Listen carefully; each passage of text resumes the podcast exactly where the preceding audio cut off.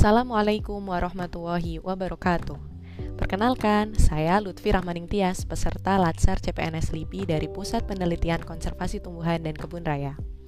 Salah satu materi yang harus kami pelajari dalam Latsar CPNS kali ini adalah mengenai sikap perilaku bela negara sebagai agenda pertama, baik secara sinkronos maupun asinkronos.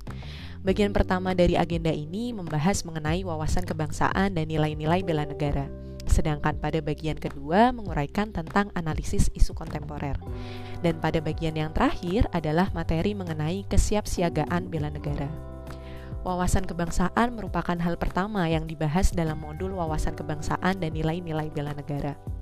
Meskipun materi ini mungkin sudah sering saya dapatkan mulai dari SD hingga kuliah, tetapi saya tetap tertarik untuk membaca mengenai sejarah pergerakan kebangsaan Indonesia mulai dari perjuangan meraih kemerdekaan, mempertahankan kemerdekaan, hingga mengisi kemerdekaan.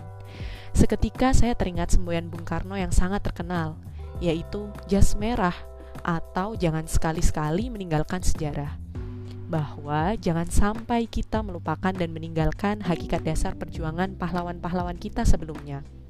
Ada banyak sekali pelajaran yang bisa kita ambil dari sejarah, terutama mengenai sejarah bela negara, sehingga pada akhirnya kita semua bisa memahami nilai-nilai bela negara.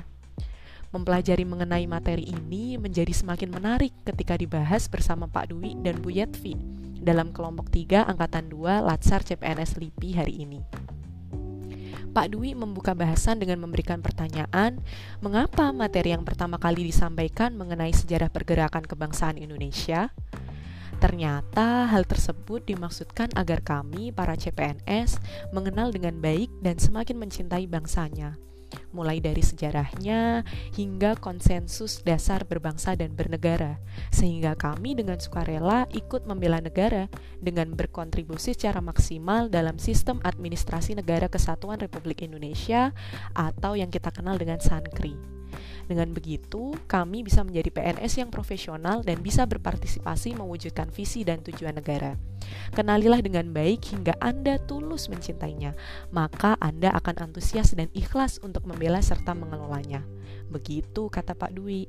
Setelah mempelajari materi ini, saya juga menyadari bahwa ternyata spektrum implementasi bela negara itu sangat luas, bisa dilakukan dari diri kita, dimulai dari hal kecil, dan dimulai dari saat ini.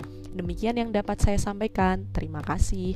Wassalamualaikum warahmatullahi wabarakatuh.